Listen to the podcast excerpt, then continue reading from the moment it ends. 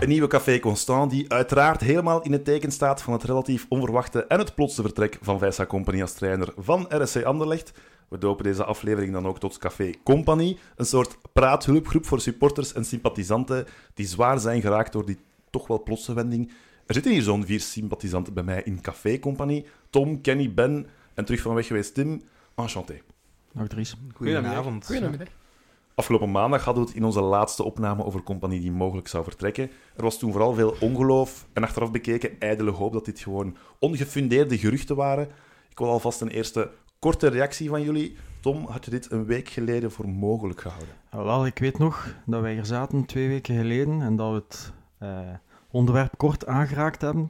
Eh, gaat compagnie weggaan? Gaat hij blijven? En we hebben daar tien seconden over gepraat en iedereen was het erover eens. Ja, die gaat niet weggaan, die gaat blijven. Dus nu voelt het vrij onwezenlijk aan dat we in deze, in, in deze situatie zitten. Ja, ik denk dat de verwachting misschien was dat Company zelf uh, misschien terug naar Engeland zou willen, maar niet dat hij, uh, dat hij uh, naar de uitgang zou geleid worden om, ja, door het bestuur van Anderlecht. Dus tamelijk onverwacht ook voor mij. Ja, ik, ben, ik denk dat er deze week woensdag een, een, deel van mij gestorven is. Dus om maar aan te tonen hoe, hoe hard en onverwacht en, en ja, pijnlijk gewoon. De praatshulpgroep komt niet, te, komt niet te laat, denk ik, als ik het zo hoor. Ja, achter de schermen werd mij twee weken geleden gevraagd uh, of Company zou vertrekken. Ik zei, ja, het zou dom zijn van alle partijen. Dus ik kan het niet voelen aankomen. Hè. Nee. Uh, voor we daar dieper op ingaan, doe ik een heel korte recap van de voorbije dagen op basis van de media. Vorige week zondag speelde Anderlecht zijn laatste match van het seizoen op Club Brugge. Company was in zijn interview na de match heel hard aan het benadrukken hoe fier hij was op de jonge garde, maar vooral hoe geld resultaat bepaalt en dat Anderlecht vandaag trots mag zijn op wat er bereikt is met de weinige middelen die ze ter beschikking hebben. De dag erna, op maandag dus, hoorde je steeds meer hardnekkige geruchten over Company die zou vertrekken.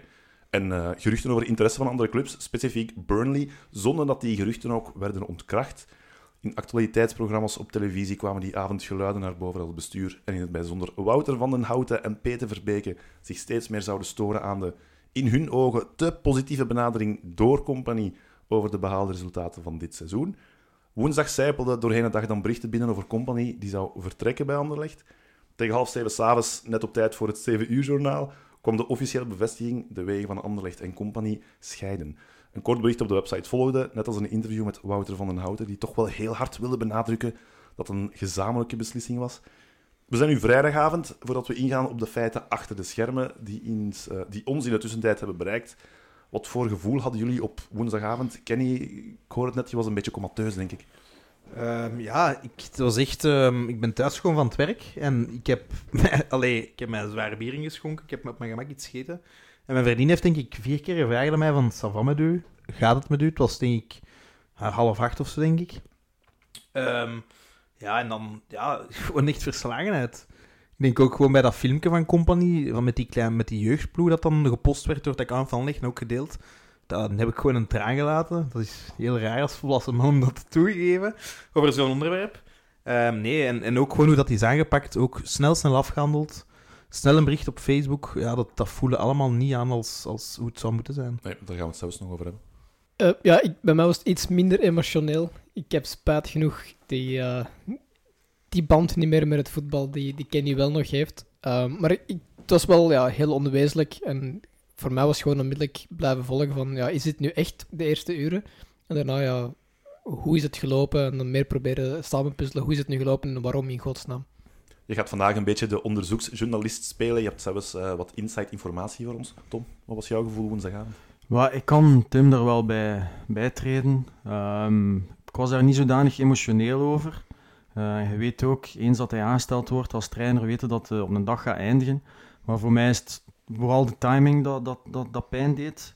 Moest het gebeurd zijn in het begin van het seizoen, uh, na die slechte reeks, kon ik het enigszins nog wat begrijpen. Maar nu, terwijl dat we weer in de lift zitten, dat er een positieve vibe rond de club hangt, is het voor mij moeilijker om te verkroppen eigenlijk. Ja, voor mij was het vooral een beetje ongeloof. En uh, ik heb de, de uren na het, het bericht dan ook er eigenlijk relatief weinig over gelezen, omdat het mij eigenlijk op dat moment niet echt meer interesseerde. Dus uh, ja, voilà, pikken we, het, pikken het vandaag terug op, maar wel ja, dus afstand genomen en ja, we zien wel hè, wat er gaat gebeuren nu. Tim, ik zei het net, je zat de voorbije weken in India trouwens. Dat verklaart meteen jouw afwezigheid in ons café de voorbije weken. Je bent net terug en je hebt je lange tentakels gebruikt om wat informatie op te vragen bij allerlei bronnen over wat er zich de voorbije weken en maanden binnen Anderlecht heeft afgespeeld. Ik had eindelijk eens wat tijd om echt te werken voor de podcast. Dus ik dacht, we gaan eh, onze tijd goed gebruiken. Dus ik heb aan het rondbellen geweest. Uh, veel mensen binnen de club, rond de club. Uh, mensen in de buurt van company, in de buurt van het bestuur. twee kleine aandeelhouders, etc. om van iedereen een beetje het verhaal te horen. Iedereen geeft eigenlijk een ander verhaal met een paar gemeenschappelijke punten. dus we gaan proberen om daar een klein beetje een, een correcte wending aan te geven. Ja, iedereen zit hier in spanning te wachten op jou op jouw verhalen, dus shoot. Dus het klopt inderdaad, er is geen ontslag geweest. Er is effectief, het was met wederzijdse toestemming, daar is iedereen het over eens. Alleen de omstandigheden waarin dat gebeurd is, dat, daar verschilt iedereen wel redelijk hard van mening. De officiële verhaallijn van de mensen binnen de club waar ik mee gesproken heb, blijft ongeveer degene die in de pers verschenen is. Beide partijen zagen het gewoon niet meer zitten om samen door te gaan. Um, blijkbaar, en daar zijn het ook iedereen wel over eens, het bestuur vond derde plaats en een verloren bekerfinale te weinig met het uh, materiaal. En Company zijn um, ofwel meer geld ofwel meer geduld. Uitspraak is ook effectief wat Company dacht. Ik ga daar al even op inpikken. Als jullie zouden moeten kiezen, bij welk kamp, als ik het even heel binair in een kamp moet gieten, bij welk kamp hebben jullie het meest rationele begrip? Kamp Company die zegt, ja, meer geld is nodig voor betere resultaten. Of vinden jullie oprecht, het bestuur, ik snap hen wel, ook dit seizoen was er al meer, meer te bereiken. Uh, ik vind sowieso als Anderlecht zijn dat we altijd ambitieus moeten zijn. Dus ik snap in die zin bestuur wel dat ze niet, niet tevreden waren over de resultaten. We moeten altijd voor het hoogste gaan. Maar als je dan weet van waar dat we komen, uh, de laatste vijf jaar, hoeveel miserie dat we gekend hebben, hebben ze gewoon, ik dat daar juist zei, is de timing volledig verkeerd. Dus die insteek en die rationele beslissing begrijp ik niet. Um, ja, het is, het, is, het, het vreemd om dat nu op het einde van het seizoen te doen, terwijl dat, dat, dat alles positief bleek te zijn. Ja, het is gewoon... Ik denk dat, dat voor de beslissing als een trainer derde wordt behandeld en verliest een bekerfinale, op dat vlak rationeel zijn de resultaten niet goed genoeg. En inderdaad, dan zou kun je ergens snappen van oké, we veranderen. Maar bon, we inderdaad, van waar we komen, we komen van vijf verdiepen onder nul. Het was nu terug een beetje positief, de vibe zat Eindelijk. En, en daar, dan ja, het is, er is gewoon een realistische blik op hoe, hoe hij moest werken, denk ik. Maar de insteek is wel goed, hè? Nee, inderdaad. Ik heb ook een beetje het gevoel dat uh, als je het echt het seizoen van Company uh, objectief gaat beoordelen, dan is het, is het oké. Eventueel kan je het wel goed noemen, maar het is zeker geen superseizoen dat we gedraaid hebben. Die, beker, uh, ja, die bekerfinale hebben we gehaald, maar ook het parcours naar de bekerfinale was relatief eenvoudig. Alles zat mee. Uh, dat alles samengenomen kun je moeilijk gaan zeggen van oké, Company heeft hier echt iets geniaal neergezet. Maar als je gaat bekijken van waar dat we komen, dan zat er wat mij betreft wel een, een, positieve evolutie in. En dan denk ik dat de Company en de kern klaar was voor de volgende stap, die voor mij is top 2 en echt meespelen voor die titel. En ik vrees dat, we, of dat ze door die beslissing uh, te nemen ons eigenlijk nu weer twee stappen achteruit gaan zetten, om er dan weer eentje vooruit te zetten. Dus dat het echt een...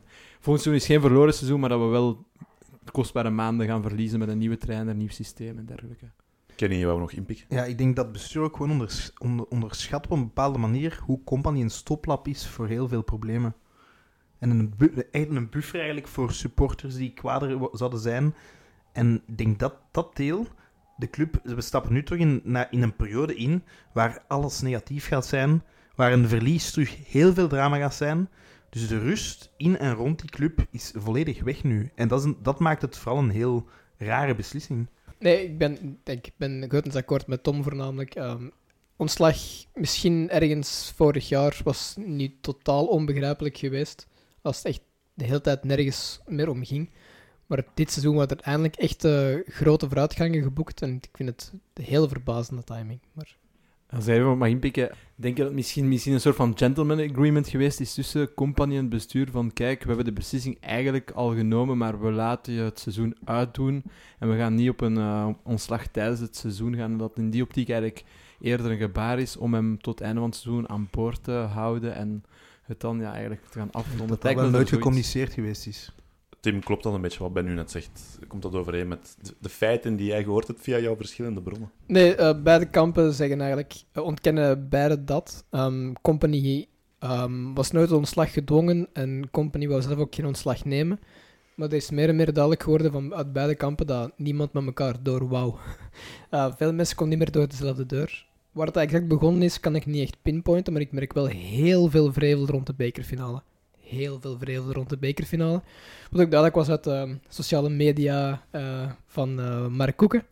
Die toen wel heel duidelijk liet weten wat, er, wat de gedachte toen was binnen de club. Hij postte toen een, een bericht, genre, op een week tijd smijten we alles weg. Zoiets. Na de nederlaag op Union, hè. eerste speeldag playoffs. Dan is dat bericht gepost ja, geweest. Dus dat was zowel de bekerfinale als die wedstrijd op Union. Nu, blijkbaar de playoffs neemt niemand compagnie echt kwalijk. Daar is gewoon, ja, denk behaald wat ze willen behalen. Uh, derde plaats. Maar de bekerfinale had wel bij heel veel mensen pijn. Niet zozeer het verlies, maar wel de, de, de mate waarop. Die wedstrijd was ook gewoon echt heel slecht. Daar denk dat we daar kunnen allemaal over eens zijn. Het bestuur vindt in elk geval een, een beschamende prestatie, die wedstrijd zelf. Maar één wedstrijd op zich zou ja. toch nooit moeten gaan beslissen? Nee, maar, maar het probleem was, ze waren al niet helemaal tevreden over het seizoen. Um, bijna play-off 1 mislopen opnieuw. Op, ik spreek me er niet over uit. Op dit moment kan je gewoon even de feiten blijven melden. Dus zij vonden al, ja, het seizoen was niet echt geweldig. Uh, maar net Gent afgehouden dat een heel jaar gesukkeld heeft. Uh, dan wordt de bekerfinale gehaald, die uiteindelijk via een vrij makkelijke campagne, daar ben ik het mee eens, wordt gehaald. En daar in de bekerfinale geven ze niet echt thuis. Zeker de eerste helft was dramatisch. En het bestuur vindt dat dus een heel zwak parcours, waar ik, ik kan er ergens wel in inkomen. Um, ik mag niet vergeten, ze hebben heel veel geld ingestoken opnieuw voor een seizoen zonder opnieuw enig financieel rendement. Maar ik snap even, even, even goed company. Wat voor u blijft is Union, dat een geval apart is, en Brugge dat drie keer meer uitgeeft dan u. Op zich is er goed gewerkt door company. Dit seizoen is er eindelijk echt, volgens mij, progressie gemaakt. Misschien iets te weinig jeugd, maar voor de rest perfect. Maar dus dat is, dat is eigenlijk de, de, de voornaamste lijn uit beide kampen waar iedereen het wel over eens is. De ambities liggen gewoon ja, matchen op geen enkele manier. Um, en het bestuur en compagnie wou we niet een nieuw seizoen ingaan om dan na drie maanden in het seizoen afscheid te moeten nemen. Dus het was wel effectief. We stoppen nu, want we weten sowieso een nieuw seizoen, we gaan het niet uitdoen. Dat was de, de vibe. Het bestuur was dus oprecht overtuigd. Dit seizoen hadden we meer kunnen halen dan top 3. Of een derde plaats, moet ik zeggen. Een tweede plaats, of misschien zelfs kampioen, in hun ogen was een denk, realistische doelstelling. Ik denk dat zij voornamelijk kijken naar de bottom line. En Europa League was wat zij wouden om de financiën een beetje op orde te krijgen. Of dat nu beker was of, een, of, of, of iets anders, dat maakt hen niet, zo, niet per se veel uit. Tweede plaats nog voor een jongen eindigen en dan Champions League kwalificaties niet doorkomen, dat soort dingen. Prima. Volgens mij is puur bij hen de bottom line. Die insteek klopt wel. Allee, zoals ik dat juist zei, als Anderlecht zijn moet altijd voor het gaan. Maar het is gewoon ver van, van realistisch. Als je ziet wat de andere ploegen, wat budget als hebben, welke, welke kern als hebben. Uh, we hebben nu geluk gehad dat Genk een minder seizoen gehad heeft, Antwerp uh, minder seizoen gehad heeft. Standaard. Standaard, ja, die, die, die reken ik er zelfs niet meer bij. En ja, dan de pech dat Union eigenlijk goed is. Maar de derde plaats is toch conform de, de, de kern dat wij hebben. Dus die inschatting... Het is raar hoe dan ze die inschatting dan gemaakt hebben. Dan zij echt gedacht dat wij dan uh, los kampioen gingen spelen hebben, of, of zelfs tweede geworden, makkelijk tweede. Het is, het is zeer speciaal. Ik denk dat, uh, ja, dat die insteek is vooral omdat Union tweede wordt en dat, ze, en dat je eigenlijk een relatief zwak Gent, als je het heel seizoen bekijkt, die beker die, wint. Die winnen, die winnen wel hun laatste zeven matchen, hè, jongens. Tuurlijk, Allee, bon. tuurlijk, maar dat je eigenlijk twee keer wordt afgetroefd en dat je eigenlijk twee kansen hebt gepakt, 0 op 2. En eigenlijk als we tussen de lijnen lezen naar volgend seizoen toe, wil dat eigenlijk zeggen dat ze, dat ze geloven in een tweede plaats of mee te doen voor de titel, zonder dat ze deze zomer gaan investeren. Dus met een gelijkaardig budget als volgend seizoen, want anders, als ze het budget optrekken, heb je de geldkant. Als ze zeggen van oké, we geloven, ja, derde plaats oké, blijf op geduld. Dus geen Over verwachtingen voor volgend seizoen gaan we het zelfs nog hebben. Uh, ik denk, het zijn mensen momenteel buiten Verbeke die het aan, voor het zeggen hebben Anderlecht die niet heel veel voeling hebben met het voetbal, lijkt mij. En zij zien Union met geen budget. En we gaan niet de kant van Bart, Bart Vragen opgaan over Brighton, Brighton en dergelijke. Uh, uiteindelijk, Union heeft met heel weinig budget gedaan wat ze gedaan hebben. Ze hebben het goed gedaan. Um, en zij zien gewoon in Mazou iemand die met heel weinig middelen staat waar zij willen de Anderlecht staat. En zij trekken daar de conclusie, company heeft gefaald. Ik Maar vind dan- dat een vrij gemakkelijke, foute conclusie, Maar dat is de conclusie van het bestuur. Dan zijn we toch ver af van wat we nu hebben. Allee, ik snap niet hoe. Allee, dat is echt wat, mij, wat ik zo absurd vind. Een voetbalclub is niet alleen resultaten. En zeker niet Anderlicht. Daar gaan ze gewoon complete mist in, hè, mannetjes. Ik ben akkoord voor ons als supporters, maar als aandeelhouder denkt je daar anders over? Ja, Omdat, mogen niet vergeten, zes maanden geleden zijn we allemaal heel positief geweest over eh, Koeken en Van den Houten, die er heel veel geld hebben ingepompt op het moment dat we het opnieuw nodig hadden. We zijn, ik denk dat we Koeken, dat niemand echt momenteel Koeken iets verwijt, meer Van den Houten. Maar die steken er wel heel veel geld in, maar die doen wel maar met enige reden, en dat is een zekere return. En daarmee, wij kijken naar een voetbalclub, het is meer dan een bedrijf, maar uiteraard Koeken zeker niet, en Van den Houten in zekere mate ook niet. Hadden zij gedacht dat zij na dit seizoen al een soort ROI, Return on Investment, gingen dat krijgen? is toch... Nee, maar, maar wel eens de, de, het verlies zouden minimaliseren, wat via Europa League zou gekund hebben, maar via nu opnieuw een onzekere kwalificatie in de Conference League waarschijnlijk niet gebeurd. Om daarop in te pikken, dan hadden ze hem gewoon in de zomer na Vitesse moeten buiten gooien. Hè. Voilà, dat zou Het- logischer Het, zijn. het stadion zit vol nu. Er zijn jonge mensen die gemotiveerd, de sfeer in het stadion is terug. Het is vechten voor op verplaatsing, kaart te kunnen hebben voor een Anderlecht te gaan kijken. Oké, verplaatsing maakt niet uit voor Anderlecht zelf. Maar bon, wat, wat, bedenk- wat denken ze nu te bereiken door Company buiten te stampen? Er zijn mensen die praten over hun abonnement te annuleren, hun geld terug te vragen. Oké, dat is allemaal heel, heel emotioneel nu, hè. Maar je weet toch, je, stort je club nu, want ze onderschatten duidelijk die een buffer van Company. Kan niet begrijpen hoe dat die een buffer wordt. wordt, wordt. Ze storten nu in een negatieve periode met veel gezag, met pro- problemen, met protesten. Een trainer die nu bij Anderlecht instapt, die, die heeft het krediet van Company niet, hè, mensen.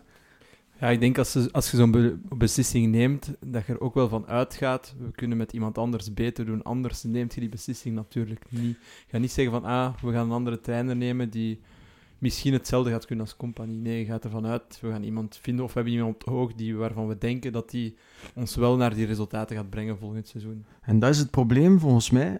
Oké, ze kunnen niet meer akkoord zijn met hoe dat compagnie zijn ploeg laten voetballen heeft, de resultaten. Maar hetgene wat erna komt, dat zegt eigenlijk alles. Als er nu sprake is van Felice Mazu, dat zegt veel over, over de voetbalvisie en de voetbalkennis van het bestuur. En dat is wel vrij zorgwekkend voor de toekomst. Omdat Mazu eh, toch niet echt 100% de, de Anderlecht-waarden vertegenwoordigt.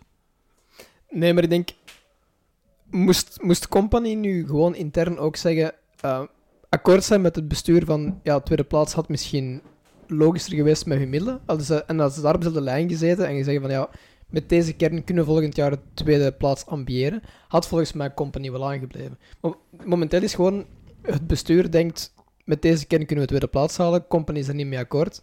En dan denkt Company wel, en, en het bestuur ook, ja, de- onze visies liggen gewoon compleet niet in één lijn met wat er mogelijk is. En dan denk ik, denk ik, ja, Union heeft een zwakkere kern. Die halen wel de tweede plaats, dus Mazou is een betere trainer dan Company. Daar komt het volgens mij op neer. Kenny, je begon net over het eh, aantal supporters die misschien hun abonnement willen opzeggen. We hebben op het officiële forum van Anderlecht een poll opgestart om te vragen naar de mening van de gemiddelde supporter. De vraag was, heeft het vertrek van Company invloed op het al dan niet, het al dan niet nemen van een abonnement? Een kleine 150 mensen hebben gereageerd op nog geen 24 uur, waarvoor oprechte dank van ons uit. En eh 15% liet weten dat het voor hen geen verschil maakt en dat ze sowieso opnieuw een abonnement zouden nemen. Bijna 50%, een goede 45% liet weten dat ze nu niet langer van plan zijn nog een abonnement te nemen. Een kleine 30% geeft toe dat het vertrek van Company hen heeft doen twijfelen om hun abonnement te verlengen of om er een aan te kopen. En ongeveer 12% liet weten dat ze al een abonnement hadden genomen voordat het ontslag van Company wereldkundig werd gemaakt. Hadden ze dit op voorhand geweten, hadden ze dat abonnement niet genomen. Er zijn ondertussen ook al mails gestuurd vanuit heel veel supporters naar ja, Anderlecht zelf om te vragen: kan ik mijn geld nog terugkrijgen voor mijn abonnement alsjeblieft? Je merkt wel, de betalende supporter, en dat is voor een club natuurlijk belangrijk, de betalende supporter, niet de zetelsupporter, maar de betalende, verliest wel wat geloof en vertrouwen in hun club. Ja, Wel, eh, ik heb net toevallig eh, vandaag mijn abonnement verlengd. Eh, voilà. Er zijn het is er. Dat Weer goed. Maar om, om, om dat even te nuanceren, ehm, want ja, de eerste groep is daar van, ja, ze verlengen een abonnement ongeacht. Uiteraard, een deel van het abonnement is ook het sociale er rond. De mensen met wie je naar het stadion gaat, eh, de kleine uitstap iedere twee weken op zondag. Dus dat is ook wel iets wat pri- primeert. En op dit moment ehm, ben ik vooral benieuwd om te zien van, oké, volgend jaar zetten we inderdaad de lijn voort. Gaan we met een Kana spelen? Gaan we met een Duranville spelen? Met die andere jongens? Daarvoor wil ik wel naar het stadion gaan. Uiteraard, als het voetbal slecht is, als de eerste weken niet goed zijn, ja, dan gaat het, ook bij mij gaat het veel kritischer zijn dan mochten, mochten we de eerste weken slecht starten onder compagnie. Dus ik ga wel met een andere mindset naar het stadion. Wat mij... Ik had nu een coach die dat duidelijk een visie had. En dat hebben we gewoon al ja, voor Company ja, 15 jaar niet meer gehad op Anderlecht of zo. Eh, en dat is gewoon iets dat ik niet snap. Je wist gewoon als een jonge gast zijn klaar was die ging spelen. Allee, en ja, ik, ja, ik, ik, dit echt, ik vind het zo bizar. Ja, daar twijfel ik nu wel niet aan bij het nieuwe bestuur. Allee, het oude bestuur, nieuwe bestuur. Dat eh, in Youth We Trust blijft wel doorgaan, al was maar het een heel cynisch businessmodel. Ehm, dit bestuur weet heel goed waar het echte geld ligt. Dat is bij neerpeden.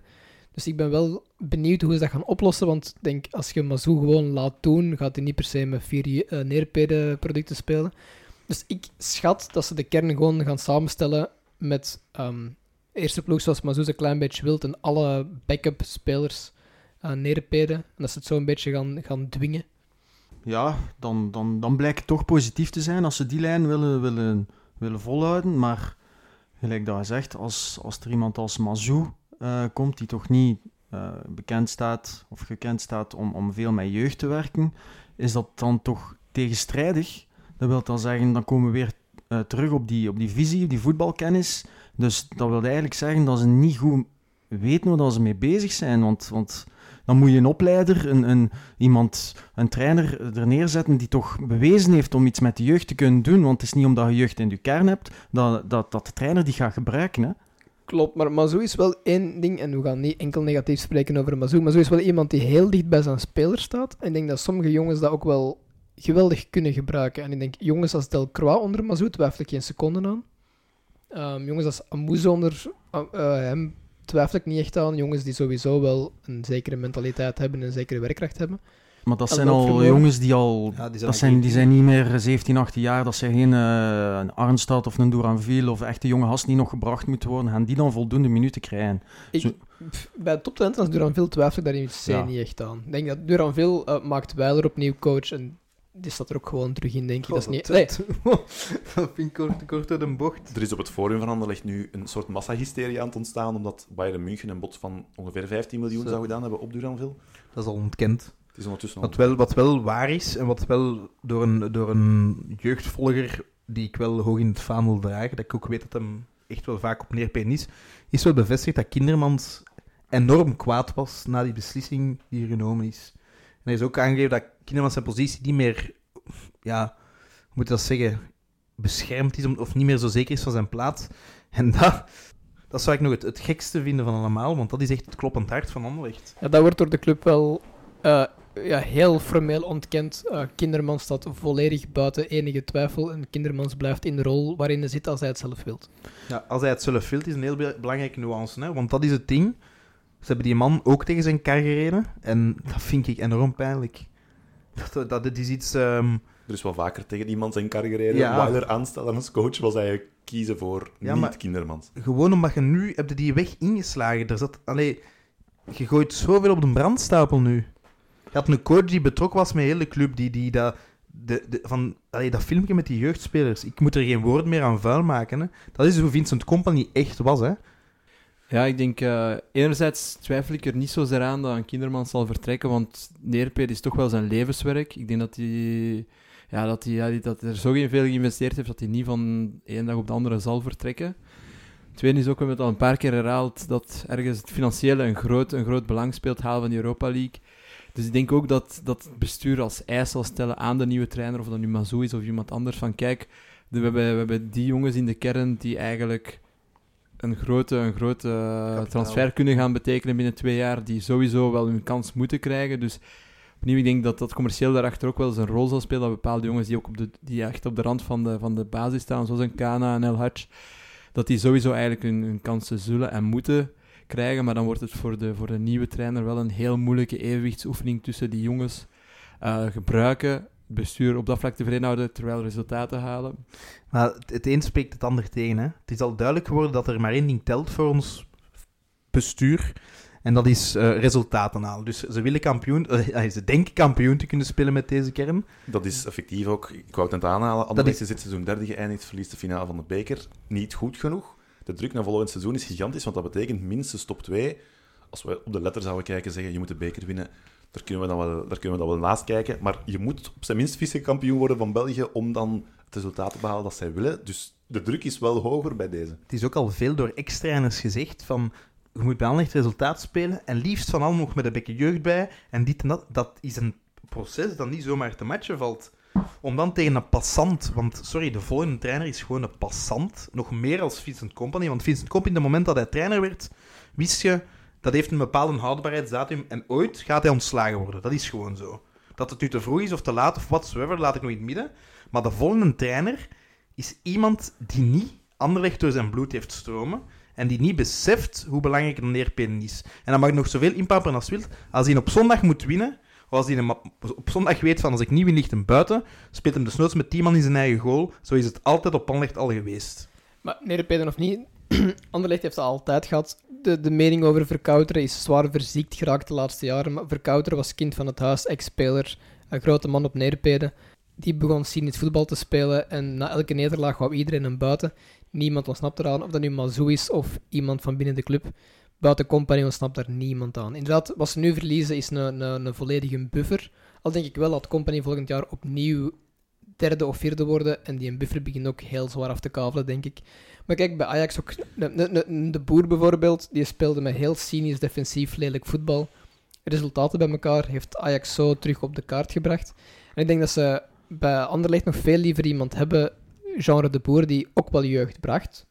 Maar met realistisch voetbal. En ik denk dat zij in Mazou... Opnieuw, laat ik voor hen. Maar ik denk dat zij Mazou zien als de Frank De Boer bij Ajax. Namelijk iemand die met realistisch voetbal een tweede plaats haalt. Met wel genoeg jongeren. En traag maar zeker terug resultaten zet. Geld binnenhaalt en zo terug groeit. Toch opvallend dat zij denken dat iemand anders dan Company dat dan beter zou kunnen doen. Ja, dan, dan komen we terug weer op die voetbalvisie. Hè. Dat, is, dat zeer vreemd is. ehm, dat totaal niet strookt met voor hetgene dat Company staat. Dan valt combinatievoetbal. Oké, heeft een beetje aangepast eh, het laatste seizoen, maar dat is nog altijd zijn visie. En dat er daar nu een tegenovergestelde visie eventueel zou komen, nou, dat zijn natuurlijk de geruchten. Maar het meest zorgwekkende is dan ook dat dat waarschijnlijk de enigste op- optie is voorlopig, Mazou.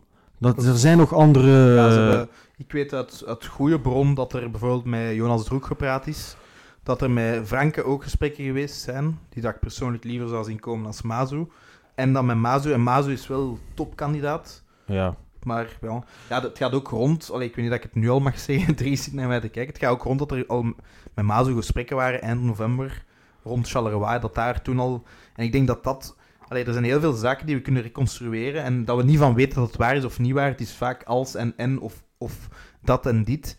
En- Ja, dat wordt wel degelijk ontkend ook door Anderlecht eh, zelf. Dus de- voor de duidelijkheid, het bestuur eh, ontkent dat wel. Om daarop in te pikken, allee, en ik zit hier in een vrijblijvende podcast, ik geloof niets meer van dit bestuur. Ik pik niks meer. En nu ben ik even heel hard. Die toont gewoon aan hoe momenteel Anderlecht werkt. Het is een interessant punt dat je aanhaalt, Kenny. Er zijn wel een aantal dingen die opgevallen zijn deze week. Anderlecht was altijd wel de club van de grandeur en de klasse, zogezegd. Eh de communicatie nu rond het vertrek van Company, het lijkt, het, lijkt eigenlijk beho- behoorlijk holder de bolder te zijn. Een kort bericht op de site, een interview met Wouter van den Houten, en dat is het eigenlijk. Company zou op één of twee zinnetjes op de website iets gezegd hebben. Ik blijf altijd supporter en that's it. Anderlecht was vroeger graag die chique club. Company zou hier een persconferentie moeten gekregen hebben. Eh, alle egaars op het, op het veld komen op de supportersdag of whatever het zou zijn. Toegejuicht worden door een heel stadion en vertrekken. Niet als een dief in de nacht nu zijn spullen pakken. En... Ik vond het vooral een heel goed toneelspel de afgelopen week. Ehm, en er zijn heel veel zaken gebeurd. Die, ik, allee, ik, ik, ik ben akkoord dat we de feiten moeten reconstrueren, maar wat we nu gaan vertellen zijn ook feiten. Er is een, een andere podcast, Movecast, waar Anthony van den Borre zat. Die is op vraag van de club. Die mensen hebben dus een vraag gekregen van de club. Van ja, om de podcast niet online te praat, eh, plaatsen. Uit schrik dat Anthony van den Borren al meer zou geweten hebben en er meer gezegd zou zijn. Dat is de aanleiding geweest. De timeline daarvoor, voor alle duidelijkheid, was vorige week. Hè? Vorige week, ja, klopt. En dan eh, op maandag is dan plots Peter Verbeke zijn Instagram-account offline gegaan. Dat vond ik ook een heel rare actie. Dat, dat gaf al aan dat er iets zat aan te komen. Het zijn allemaal heel rare zaken. Ook het interview van Wouter van den Houten. Wouter van den Houten, mediaman bij uitstek, heeft een eigen mediabedrijf. Dat interview met Gilles de Bille, ja, sorry, dat was gewoon één groot toneelspel. Er werd één kritische vraag gesteld, dus Gilles de Bille vroeg op het einde van het gesprek van wie heeft nu eigenlijk de knoop doorgeraakt of wie nam het initiatief tot het ontslag. En daarop heeft Wouter van den Houten gereageerd, sorry, deze vraag is niet afgesproken, hier stopt het. En het interview was gedaan, dat is dan rap rap van de site van VTM gehaald, ook dat interview. Dat zijn zaken waar dat ik... Dat, dat maakt het gevoel alleen nog maar wranger en wranger. Ja, ik denk inderdaad op vlak van communicatie zijn er eh, serieuze fouten gemaakt. Zeker wanneer dat je weet dat je aan het hoofd staat van een voetbalclub als Anderlecht. Uh, de meest gemediatiseerde club van België. Dan weet je dat ja, supporters gaan erover spreken. Ze, iedereen gaat vragen hebben, de pers gaat erop springen. Ik vind het eigenlijk zo vreemd dat ze daar niet op geanticipeerd hebben. Hoe cryptischer je bent in je, in uw communicatie, hoe, hoe wilder de verhalen gaan worden. Van, uh, van uh, Duranville is al weg, Kindermans is weg, iedereen vertrekt. Uh, stond in brand, ja. En dan zeker als je, als je, als je uit elkaar gaat in, in, ja, in, in onderling overleg, dan, dan had je makkelijk met, met twee of met drie een, een interview kunnen geven van kijk, onze ambities lopen uit elkaar we kunnen niet investeren wat Company wilt om, de eerste, om mee te spelen voor de titel of wat dan ook. Zelfs dan kon het nog een toneelstuk zijn. Maar dan op zijn minst had je direct ja, beheerste je de narratief in de media. Um, dan kon je eigenlijk gaan bepalen wat er gezegd werd. En dan moest je inderdaad niet beginnen met podcast uit de ja, offline te halen, uh, Instagram-accounts gaan blokkeren en uh, interview, vragen in interviews gaan weigeren. Maar dat doen ze nu toch ook. Ze controleren het narratief toch eigenlijk ook wel een beetje. Um, door eigenlijk niet te communiceren. Het is, het is, ze, hebben ervaring in de media, dus gelijk uh, dat Kenny zei, uh, Instagram afsluiten, um, gewoon niet rea reageren is ook een onderdeel van communicatie. Of dat goede communicatie is, dat is iets anders. Maar zo controleren ze dat het niet het erg wordt. Het is, het is maar wat er moet gecommuniceerd worden natuurlijk. Als we inderdaad uitgaan van het allerslechtste scenario, dat company bijna is buitengewerkt en al wat je wilt, ja, dan is dit eigenlijk hele goede communicatie. Want ja als het effectief onderling overleg is, zou dit heel slechte communicatie geweest zijn. Dus door niet te communiceren, geven ze mij eigenlijk als supporter onmiddellijk al de indruk van ja, dit is, dit, hm. dit, is, dit is bijna een half ontslag. Want anders had Company sowieso wel gentleman genoeg geweest om samen met de rest een gezamenlijke persconferentie te doen en, en iedereen te woord te staan. Dat Company zelf eigenlijk amper reageert dat er geen persconferentie is en dat we het eigenlijk via achterkanalen van de pers moeten horen. Laat mij eigenlijk voornamelijk denken, als buitenstaander, ik weet nu iets beter naar het rondbellen, maar als buitenstaander dat dat bijna een ontslag geweest is. Dus ik vind op zich dat wel ongelukkige communicatie. Ja, je kon vandaag lezen in de media dat het bestuur rond de maand november vorig jaar navraag gedaan heeft bij een aantal van de belangrijkste spelers in de spelersgroep om te zeggen hebben jullie nog wel vertrouwen in compagnie? Moeten wij ingrijpen, ja of nee? Die spelersgroep, en dat siert hen wel, we gaan hun even benanoemen. Hoed, of en Van Krombrugge zijn naar Company gegaan en hebben dat ook gewoon meteen verteld. Dat toont ook wel aan dat de band heel innig en, heel uh, oprecht was. Ik denk dat toen, als we daar nu op terugkijken, dat toen waarschijnlijk de barsten gekomen zijn die vandaag geleid hebben tot die breuk dan. De barsten waren er al... Wat ik heb gehoord van de mensen dan rond Company is voornamelijk... Um, dat was geen alleenstaand evenement. Hè. Dat het was constant kleedkamer binnenkomen... Uh, moeien met de sportieve keuzes van Company, eisen opleggen, spreken met spelers... Um, beslissen wie company al dan niet rond hem zou mogen hebben. Weet uh, jij wat voor eisen sportief? Of kan je, dat, kan je dat vertellen of is dat lastig voor jou? Ja, nee, nee. Ik weet gewoon dat de details niet helemaal rond. Ik weet gewoon dat um, wat Koeken heeft eindelijk gedaan wat wij vroegen, namelijk zich niet meer moeien met de sportieve keuzes, maar dan begonnen Wouter van den Houten en Peter Verbeek. Nu, Verbeken op zich, man krijgt heel veel sportieve verantwoordelijkheid. Ik vind het op zich logisch dat hij zich dan ook in zekere mate moeit lijkt me maar logisch, hij wordt er op, afgerekend uiteindelijk. Maar ook Wouter van den Houten zou zich af en toe regelmatig zelfs gemoeid hebben. Um, ja, dat zijn zaken die Company ook wel tegen de borst gestoten heeft. Dat wat ook begrijpelijk is, hè? dat is dan zeer problematisch. Hè? Vanaf dat de CEO en de, de voorzitter, of uh, Wouter van den Houten, uh, zich beginnen moeien, die eigenlijk weinig ervaring hebben, Company, Premier League ervaring, zoveel keer kampioen geworden, Rode Duivels, halve finale, ervaring op het hoogste niveau. En dan zijn er twee, drie gasten die zich sportief zouden moeien, dat is dan weer iets problematisch dat er eigenlijk bij komt. Ja, ik wil er niet de volledige verdediging van Van den Houten of Verbeken op mij nemen, maar ik denk dat ze alle ja, drie... stop er dan mee, Allee, bon. Ik denk dat ze alle drie eigenlijk een, een heel sterk karakter hebben en dat dan misschien, misschien is het gewoon niet mogelijk binnen een, binnen een voetbalclub als je eigenlijk drie mensen hebt of twee kampen die een andere richting uit wil, die of andere visies hebben om die samen te werken. Ga je misschien wel als je een als je een sterk karakter als, als weet ik veel, een CEO hebt, dan moet je misschien werken met een minder, uh, minder uh, aanwezige trainer en vice versa. Maar ik denk dat ook een, een voorzitter zijn plaats moet kennen. En zeker als al geen voetbalman is, met alle respect. Allee. En als company zijn, zoals Tom zegt, company heeft overal, heeft op, bij Man City op het hoogste niveau met, met een, van de beste coaches ter wereld gewerkt.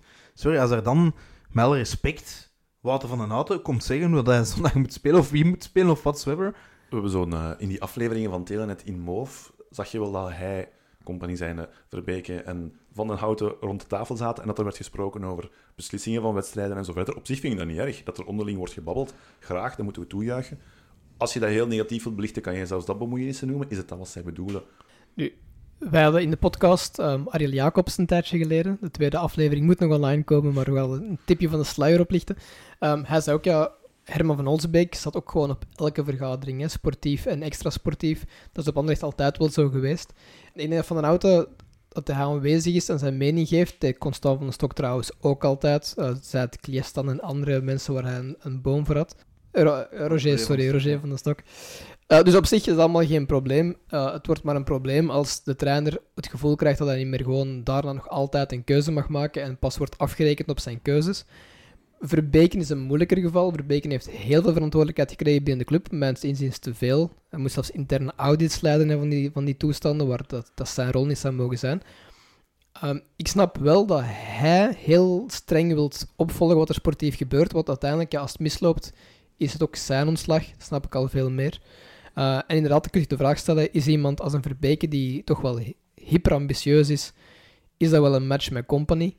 Vind ik inderdaad een, een, een, vraag die je kunt stellen. En dan is de vraag inderdaad, ja, wie gaat je steunen als voorzitter zijnde?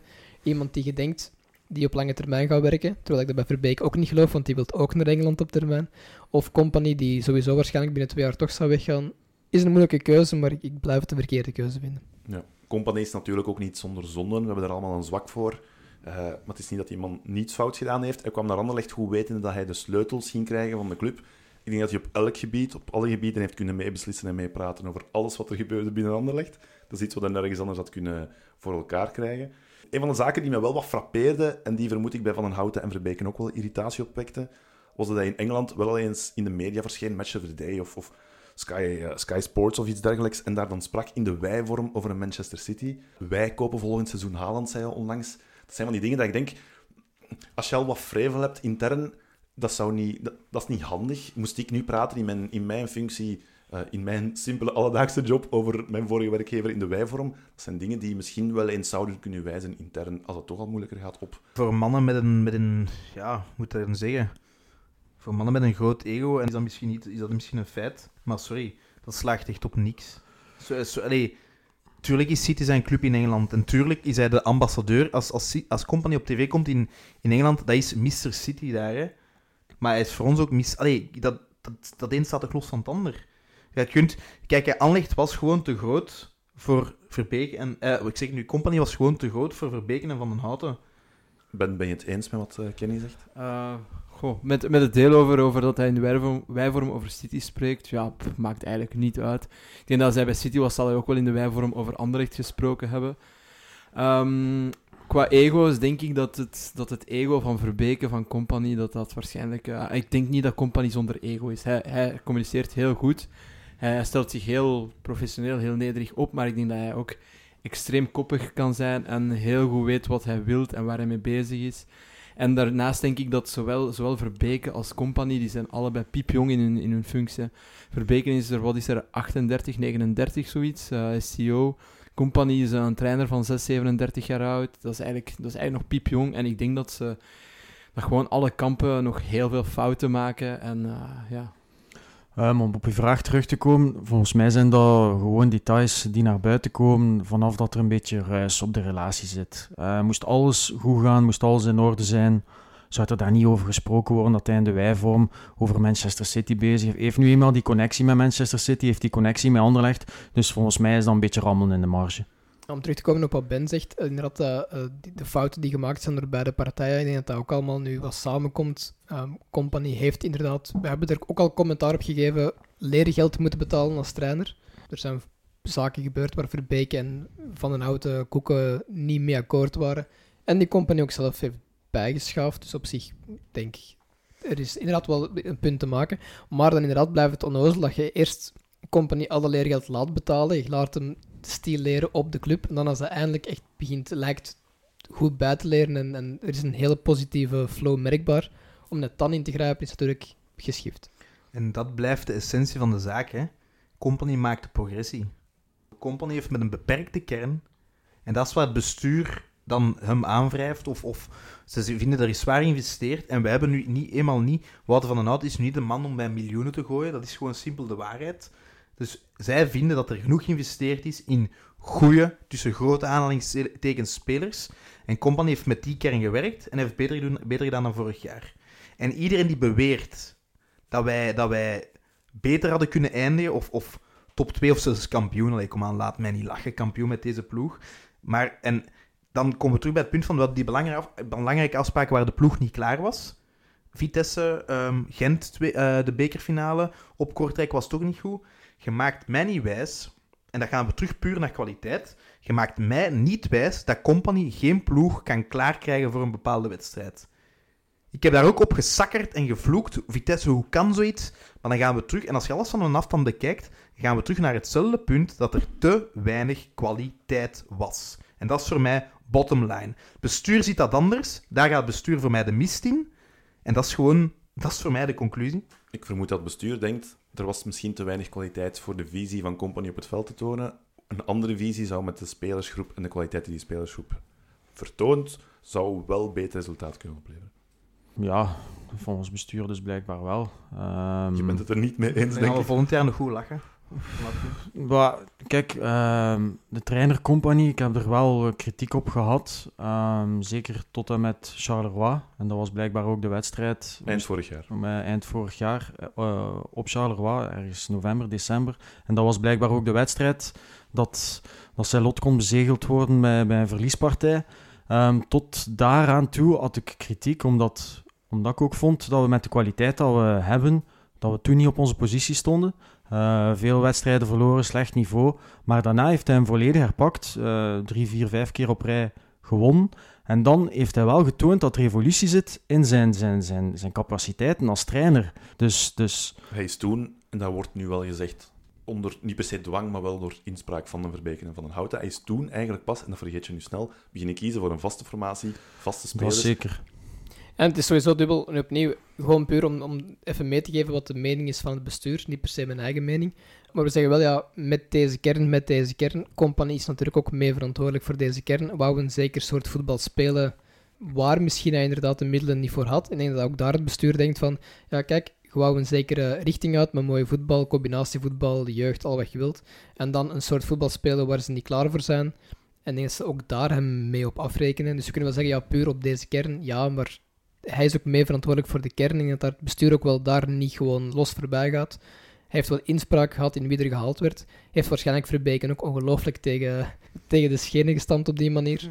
En ik denk dat Verbeke dan ook denkt van ja, ik heb nu een kern mede met Company samengesteld voor een voetbal dat Company wou spelen. En we halen er maar een derde plaats mee. Laat mij doen met meer cynische trainer als Mazou en we halen tweede plaats. Ik denk dat de kernsamenstelling ook wel een, een deel van het probleem is in Te veel honden in het hondenhok, misschien zoiets. Ik wil even vooruitblikken naar volgend seizoen. Mazou wordt genoemd, of circuleren ook wel eens andere namen. Edward Still van Charleroi. Hier en daar, hier en daar wordt Wouter Franke geopperd. Uh, Kenny zei daar straks al, dat is nog de naam die mij het meeste aanspreekt. Maar laat ons eerlijk zijn, wie dat ook zou komen, die komt na Company en die moet tornen tegen de erfenis van Company. Dus begin maar. Wel, op, op, uh, op vlak van resultaat is de erfenis van Company nog niet zo onoverkomelijk. Uh, moest hij nu net twee keer kampioen geworden zijn, was het waarschijnlijk nog een pakje moeilijker. Maar ik denk, ik, neem, ja, ik denk dat ze vooral daar een, een, groot risico genomen hebben naar volgend seizoen. Dus zoals Tim net zei, Verbeke denkt, of waarschijnlijk gaat hij ervan uit dat hij het beter gaat kunnen met een andere trainer. Stel dat we volgend seizoen eind december op een vijfde plaats staan dan, uh, ja, dan weet ik niet wat ze dan moeten gaan doen. Gaan ze dan en de trainer buiten smijten en nog eens iemand anders proberen? Gaan ze Verbeke buiten smijten? Gaan we, gaan we ergens op anders een technisch directeur gaan zoeken? Dan, uh, ja, dan begint weer alles van, van nul. Dus. Ja, dat is een beetje het probleem, de namen die nu genoemd worden. Hè. Ik denk dat er niet veel supporters zijn die zich daarmee kunnen vereenzelvigen. Misschien Franken inderdaad dan nog de meeste. Maar moesten ze nu ineens afkomen en ja, het is onhaalbaar. Bielsa bijvoorbeeld, dat, is, dat is onmogelijk. Maar moesten zo iemand kunnen aanstellen, zou de kritiek onmiddellijk verstommen. Maar het, is, is bijna onmogelijk om iemand te vinden die, die, die, die, die hetzelfde statuut heeft, eh, dezelfde capaciteiten. En dat is, dat is het probleem, hè. ze zijn niet geloofwaardig meer. Wie dat ze ook aanstellen. Ja, en dat gaat zich niet alleen stellen op het vlak van een trainer. Hè. Een, een trainer halen in die... Allee, iets. Hoe moet ik dat nu zeggen?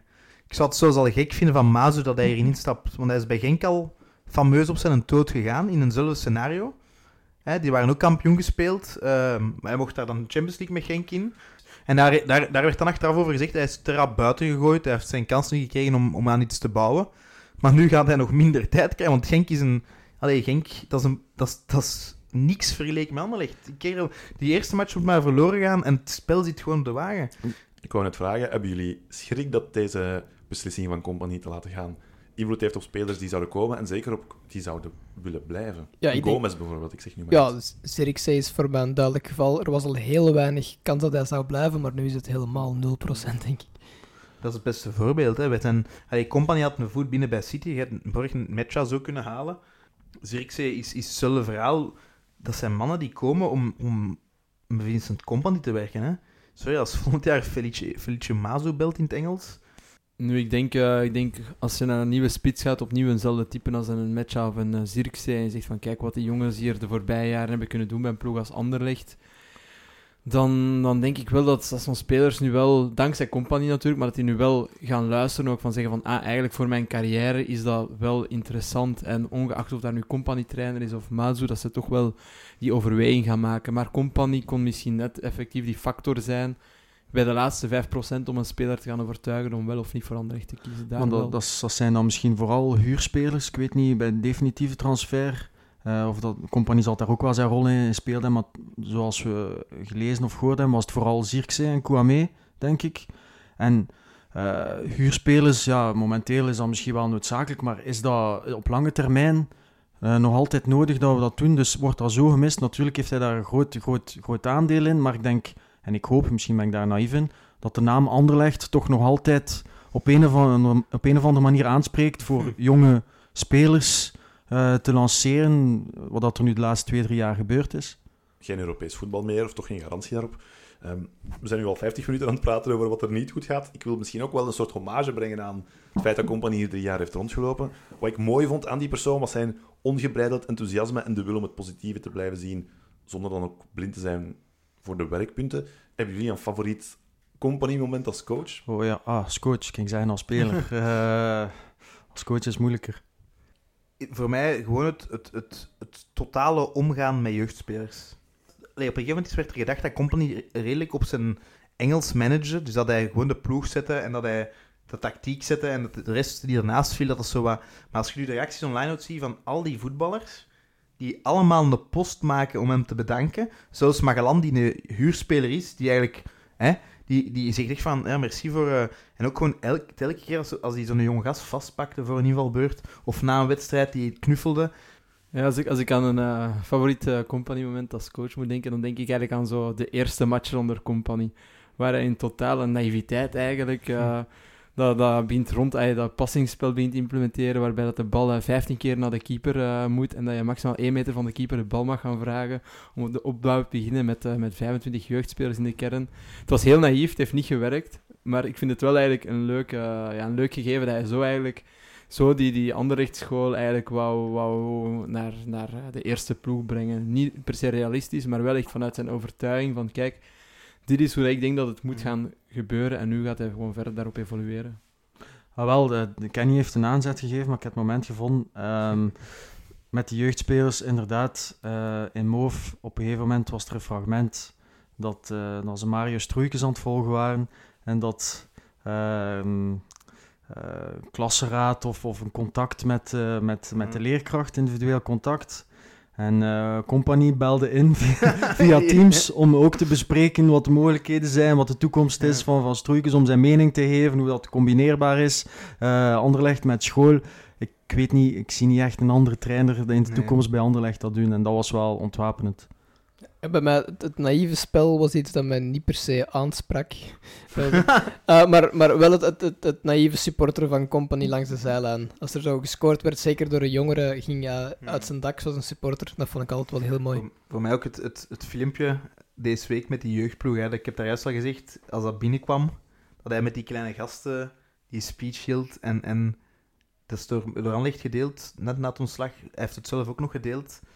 En ja, ik, krijg, daar, ik krijg daar nu terug kippenvel van. Ik zat terug beginnen blijten. Dat vond ik meer Anderlecht komt een man, denk ik niet. En Van den Born is bijvoorbeeld ook zo iemand, maar die is natuurlijk iets minder begaafd, om het zo te zeggen, om het, om het naar buiten te brengen. Eh, Dat is een iets, een iets... Die zou soms iets bedachtzamer kunnen zijn. Maar eh, ja, Company is gewoon Anderlecht. En dat is gewoon... Dat gaat altijd zo blijven. En ik vind het gewoon erg dat dat nu kapot gemaakt wordt. Ja, ik hoop, ik hoop oké, we zijn misschien compagnie als coach kwijt voorlopig. Of ja, wie weet komt hij nog terug op een dag op Anderlecht als coach. Maar ik hoop inderdaad dat hij gewoon de Anderlecht fan blijft die hij ervoor was. Die de matchen keek eh, vanuit Engeland in het weekend. eh, zoals, zoals er zoveel zijn, zoals Lukaku, eh, zoals een match, al die Mhm. ex-spelers die nog iedere week de matchen volgen. Ik hoop dat hij dat deel, dat deel wel blijft, want anders zou het echt wel ja, inderdaad heel jammer zijn. Veel erger dan een voortijdig ontslag als trainer. Company heeft hier uiteindelijk drie jaar rondgelopen of bij Anderlecht gewerkt. Ik haal een aantal momenten terug uit de voorbije seizoenen. Ook een beetje om te testen, wat weten jullie er eigenlijk nog van? Hij is begonnen met zijn eerste zege als coach tegen... Goh. Wauw. Als Het was niet Oostende, want dat was een gelijkspel. Het was thuis tegen Standaard. Weten jullie de uitslag? En wie- 1-0 Salemakers. Ik wou net vragen, en wie de goal maakte? Ja. Oké. Dat was toen tegen het Standaard van Michel Prudhomme nog. Eh, hij zat toen uiteraard geblesseerd in zijn loge toe te kijken. En ook toen een vat vol stress en, en, en emotie. Nu zonder punten, hè, de quiz. Geen punten. Oké, nee, top. puur, eh, De maar enige reden dat Tom nog niet mee. komt, is voor de punten. doe ik hè. niet Hij mee, heeft dan het mij straks ook gezegd. eh, er is toch een quiz, anders kom ik niet. Ik zei net, hij was toen geblesseerd. In het begin was hij natuurlijk nog speler-trainer. Waarschijnlijk niet de beste beslissing van zijn carrière, als we daar nu op terugkijken. Ehm, als speler viel hij geblesseerd uit op Racing Genk. Wat ik daar nog van herinner, is dat heel dat stadion, we waren toen niet ver na het WK, waar hij met België brons behaalde, het beste resultaat ooit met de nationale ploeg. Hij valt geblesseerd uit en heel dat stadion begint te lachen en heeft leedvermaak dat daar een, een Belgisch corifee staat kreupel te wezen, begrijp ik De, niet. degoutant. En dat is, ook, dat is ook een van de dingen dat heel wrang nasmaakt na dat, niet deze hoe Company door de media en door andere clubs. Het was bijna grappig om hem op zijn bek te zien gaan. Dat is een groot probleem in België. In andere landen worden ex-internationals geëerd. Die krijgen in stadions applaus. En wij in België, wij lachen ermee, omdat Company iemand succesvol is. En dat is iets, zo de noeste, bange Vlaming vindt dat iets raar. Dat is echt afgrijzelijk. En wat ook mooi is aan die match op Genk, om dan iets mooi te noemen, wie valt er toen in voor hem? Marco Kane. En herinner je allemaal nog een moment op het veld dat hij Kana vastpakt en zegt van, van kom aan gast, jij moet het hier nu doen. Jij, ik geloof, kom, echt, dat was echt een... Ja, dat was ook een van die momenten na die match ook. Ik herinner me die match nog zo hard. We verdienen daar... We verliezen daar onterecht. En dat was ook een van die momenten dat ik dacht van, fuck, is, dat gevoel is terug. Aanleg is terug. En dat was... Dat is wat Company voor mij gewoon gedaan heeft in het algemeen. Hij heeft er terug voor gezorgd dat ik terug van die club hou. Mm. Dat is... Ja. Je bent niet alleen, denk ik. In zijn tweede seizoen bij Anderlecht eh leken ze play-off 1 te gaan missen, na een soort indrukwekkende eindsprint. Met onder andere die, eh, die heel mooie zegen op Antwerpen en een 2 in zegen thuis tegen Brugge, wordt dat doel toch nog bereikt. Wat daarbij opvalt, vergeleken met vandaag, dat is op zich een goed jaar geleden. Anderlecht staat wel veel verder. Ja, inderdaad. En dan komen we weer op hetzelfde punt dat de timing zeer slecht is. Dat. Het komt altijd op hetzelfde neer. Je ziet duidelijk evolutie. En dan, toch maken ze die beslissing. Ehm, de laatste drie, vier jaar hebben we nul punten gehaald in de, in de play-offs, als we er al bij zaten. En nu hebben we, nu hebben we zes of zeven punten gehaald. Acht. Wow, ik zit er dichtbij. Eh, dus, dus ja, het- dat toont ook gewoon aan en dat er zelfs in de play-offs tegen de goede ploegen evolutie is. We hebben nu al vijf matchen of zes matchen. eh, niet verloren tegen, tegen Club Zes, Brugge. Eh, dus dat is ook evolutie. We waren altijd vroeger van, van kastje naar de muur gespeeld. Dus ja, het komt op hetzelfde neer. Ik kreeg berichten van Brugge-fans die zeiden van onbegrijpelijk, want wij, wij begonnen echt terug schrik te krijgen van licht. Maar ik denk, ja, ik denk, ik denk wat, wat grappig was bij die play-offs eigenlijk, is dat we winnen twee keer van Antwerpen. We spelen twee keer gelijk tegen Brugge en verliezen twee keer van Union.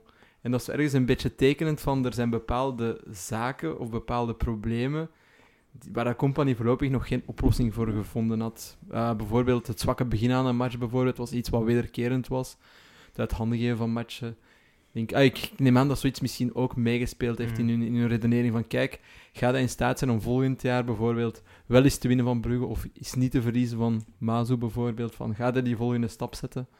Over dit seizoen, misschien de leukste wedstrijd was wel die 4-0 thuis tegen, tegen Charleroi. Of hebben jullie spontaan een andere match die, eh, die je zou bijblijven Eh, dit thuis seizoen? tegen Mechelen, hè, de 7-2. Dat was ook eh, de tweede helft. Was ook, eh, De helft was leuk. Ja, de eerste helft was, kon Mechelen op voorsprong staan. Maar de, de tweede helft hebben we toch ook allemaal genoten, denk ik. Ja, Mhm. zeven goals. Als de eerste ploeg tegenvalt, is er natuurlijk altijd de U21-ploeg in 1B. Ik zeg het nu een beetje schertsend, je hoort dat wel van veel supporters tegenwoordig, ook online. Eh, ik ga misschien niet meer kijken naar de eerste ploeg, maar de U21 in eh, de tweede klas, dan zal ik het daar maar voor doen, want dat is nog het echte Anderlecht. Ik zou, dat, eh, ik zou dat wel een goed statement vinden volgend jaar. Stel dat we niet tevreden zijn met de trainer, dat het seizoenstart niet goed is, dan zou ik het wel een goed statement vinden. Inderdaad, dat de supporters met abonnement is massaal de A-ploeg links laten liggen voor een thuismatch en naar de ploeg in 1B gaan. Dat daar voor een keer meer supporters zitten dan bij de A-kennen, zou wel eh, opvallend Maar ja, dat gaat nooit gebeuren. Hè. Dat, is, dat is vrij naïef. Hè. De meeste supporters willen gewoon een eerste ploeg zien. Hè. Die gaan niet gaan kijken naar de, naar de beloften. Hè. Ja, Ik wou net vragen, is er nog hoop op de toekomst? Ja, ik vind sowieso van wel, want, want niemand is groter dan de club, zelfs Company niet. Ehm, wat dat erna gaat komen, natuurlijk weten we niet, maar, maar voor mij is een beetje de breuklijn Kindermans, om te zien wat er daarmee gebeurt, want die bewaakt eigenlijk wel ehm, de filosofie van, van, van Anderlecht. Moest er daarmee iets gebeuren, denk ik wel dat dat moeilijker voor mij gaat zijn om mij te vereenzelvigen met de club. Ja, de supporter hoopte natuurlijk, Company vertrekt hier door de grote poort met een titel of twee. En dat is dan het gepaste mooie afscheid waar we allemaal naartoe willen. Wat ik ook wel, en waar ik vooral schrik voor heb, is vooral weer de tu- turbulente periode die er nu weer is aan te komen. Onder de supporters, de, had- er, er was een, ja, een samenhorigheid in het stadion terug. Hebt nu toch mensen die heel pro-company zijn, je hebt mensen die dat wel oké vinden, waar, dat, waar dat ik ook respect voor heb. Iedereen heeft zijn mening, het is voetbal. Maar er gaan clashes tussen komen. Als de resultaten goed zijn, komt je weer in een negatieve spiraal terecht. Draai of keer, het zal al even niet meer zo pijs en vree geweest zijn achter de schermen. Want ja, dit komt inderdaad van ergens voort. Er zijn aanleidingen, er zijn botsingen. Maar Company zorgde naar buiten toe wel voor een bepaalde rust. En die rust, die buffer, is nu weg. En daar heb ik heel veel schrik voor. Ja, ik, ik ben niet zo fatalistisch, dus ik denk, ja, er is wel hoop. Ik ben benieuwd wat ze gaan beslissen, welke richting dat ze uitgaan, welke spelers op het oog hebben. Want op zich, de vorige transferperiode vond ik meer dan oké. zeker als we gaan kijken naar het, laatst, naar het einde van Van Holsbeek. eh, periode waar, dat, eh, waar dat 19 van de 20 inkomende spelers, dat we echt dachten van oké, wat komen die jongens hier zoeken? Dus op zich, op dit moment heb ik nog wel hoop, maar inderdaad, het is, eh, het is veel, alles is veel twijfelachtiger geworden dan dat het twee weken geleden was. Ik wou hetzelfde woord gebruiken. Ik eh, deel het fatalisme niet bij het vertrek van Company. Eh, niemand is inderdaad groter dan de club, buiten misschien Kindermans en zelfs Kindermans niet. Ehm, zolang Neerpede blijft doorstromen, eh, er zijn trainers die nog wel iets doen. En op zich, ik denk wel dat Verbeke laat hem zijn ding doen. Hij gaat wel op zijn minst bruikbare spelers halen. Hij heeft tot nu toe heel weinig echt prollen gehaald. Boendo was een gok die mislukt is, maar voor de rest... Jongens als Ashimero, waar mee gelachen werd, breken nu ook allemaal door. Gomez. Ehm, heeft eh, echt wel redelijke spelers gehaald. Ehm zet Mazou, die op zich wel geen slechte trainer is, vindt van zijn manier van spelen wat je wilt. Ehm, en daarbij nog eens neerpeden en heel zwakke concurrentie. En ik denk niet dat we echt fatalistisch moeten gaan beginnen bekijken. En ik denk ook dat wij daar als supporters een grote rol spelen om, eh, om, die, om, om die, die speelstijl te bewaren. Ik ben eigenlijk volledig afgehaakt op het moment dat Weiler zijn Hmm. titel haalde. Toen moest het voor mij echt niet meer. De dag van vandaag zijn we eigenlijk nog ver van dat punt. Dus eh, ik denk als supporters, als wij, als wij laten horen volgend seizoen van oké, we zijn niet tevreden met wat er nu gebeurt, zal het bestuur dat ook wel redelijk snel oppikken. Mannen, dankjewel. Het zijn een aantal absurde dagen geweest. Ik wil uit naam van Café Company een heel warme shout-out doen naar het officiële forum van Anderlecht. Veel mensen die reageren op de poll, op vragen, allerhande, en die heel hard vooral hebben meegeleefd met de voorbije dagen. Anderlecht is trouwens vandaag jarig, wordt 114 jaar. Het is echt... Een feestelijke Qua- week. Ja, de, de ironie van het leven ontgaat ons weer niet. Zullen we kaarsjes steken of wat gaan we doen? Ik denk dat we best nog gewoon een pint drinken en dit allemaal door te spoelen. En effectief, ja, inderdaad, het was, we hebben, even voor het duidelijk te maken, ik denk dat wij nog altijd wel achter de club staan. Dat gaat altijd zo blijven. Het zijn gewoon even moeilijke dagen, moeilijke weken. Ehm, er is een, ja, zoals ik al zei, een deel van mij gestorven, om het zo te zeggen. Maar bon, kijk, eh, we zullen er wel weer doorkomen, zeker. Ik denk dat we veel zwartere tijden meegemaakt hebben. Het doet gewoon pijn om iemand als compagnie te, ver- te zien vertrekken. En om op deze in te pikken, echt dikke merci aan alle reacties van de afgelopen week. Eh, heel veel steun, heel veel vragen. Heel veel... Ik hoop dat we veel vragen hebben beantwoord. En ja, kijk, binnenkort een positievere café constant. En als iemand Kenny een knuffel wilt geven, dat mag ook altijd. Ja, hè. altijd welkom. Oké, boys, dankjewel. Café Constant komt uiteraard nog terug. Binnenkort zitten we samen met een aantal heel interessante gasten. Zeer benieuwd wat eruit gaat komen. En Kenny, je wilt nog je gebruikelijke eh, shout-out doen, vermoed Ja. ik. Imo, bedankt. Ehm, de volgende keer geven we nog eens eh, biertjes weg van AF Imo. Ik ben vandaag trouwens bij Sven geweest. Sven, heel dikke merci voor de ontvangst. En hij heeft voor mij een biertje klaarstaan. Een Kana. Dus Prachtig cadeau. Marco Kana. Ja, Marco Kaan, een biertje uit Opweg, dus ik ga hem nog proeven. Sven, dikke merci daarvoor. Heel leuke ontvangst. Dat is Sven die mijn Gens accent Ja, we appreciëren. hebben het er nog even over gehad. Hij heeft het een plaats gegeven, hij luistert terug. En dan zei hij gewoon, ik, zet het altijd, ik spoel het altijd door. Maar dat is een perfecte, Maar vol- perfecte de overeenkomst. volgende keer zal ik eh, het biertje afgeven. Hè. Dat zal misschien beter zijn. Hè. Dat doen, wij, dat doen wij trouwens ook. Wij Ja. spoelen alles van Tom gewoon eh, ja, los door. ja, de- Ja, ik heb daar geen enkel probleem mee. Hè. Dus AFIMO, dikke merci voor de pintjes. ehm, en voor de steun natuurlijk. Lamp Twist, dikke merci. En ook Tom Sunt. Er kan nog een beetje gelachen worden. Dat is dan toch Ja. die little ray of sunshine die eh, ons tegemoet komt. Dankjewel. Top. Tot de volgende avond. keer. Doei. Dag. Doei.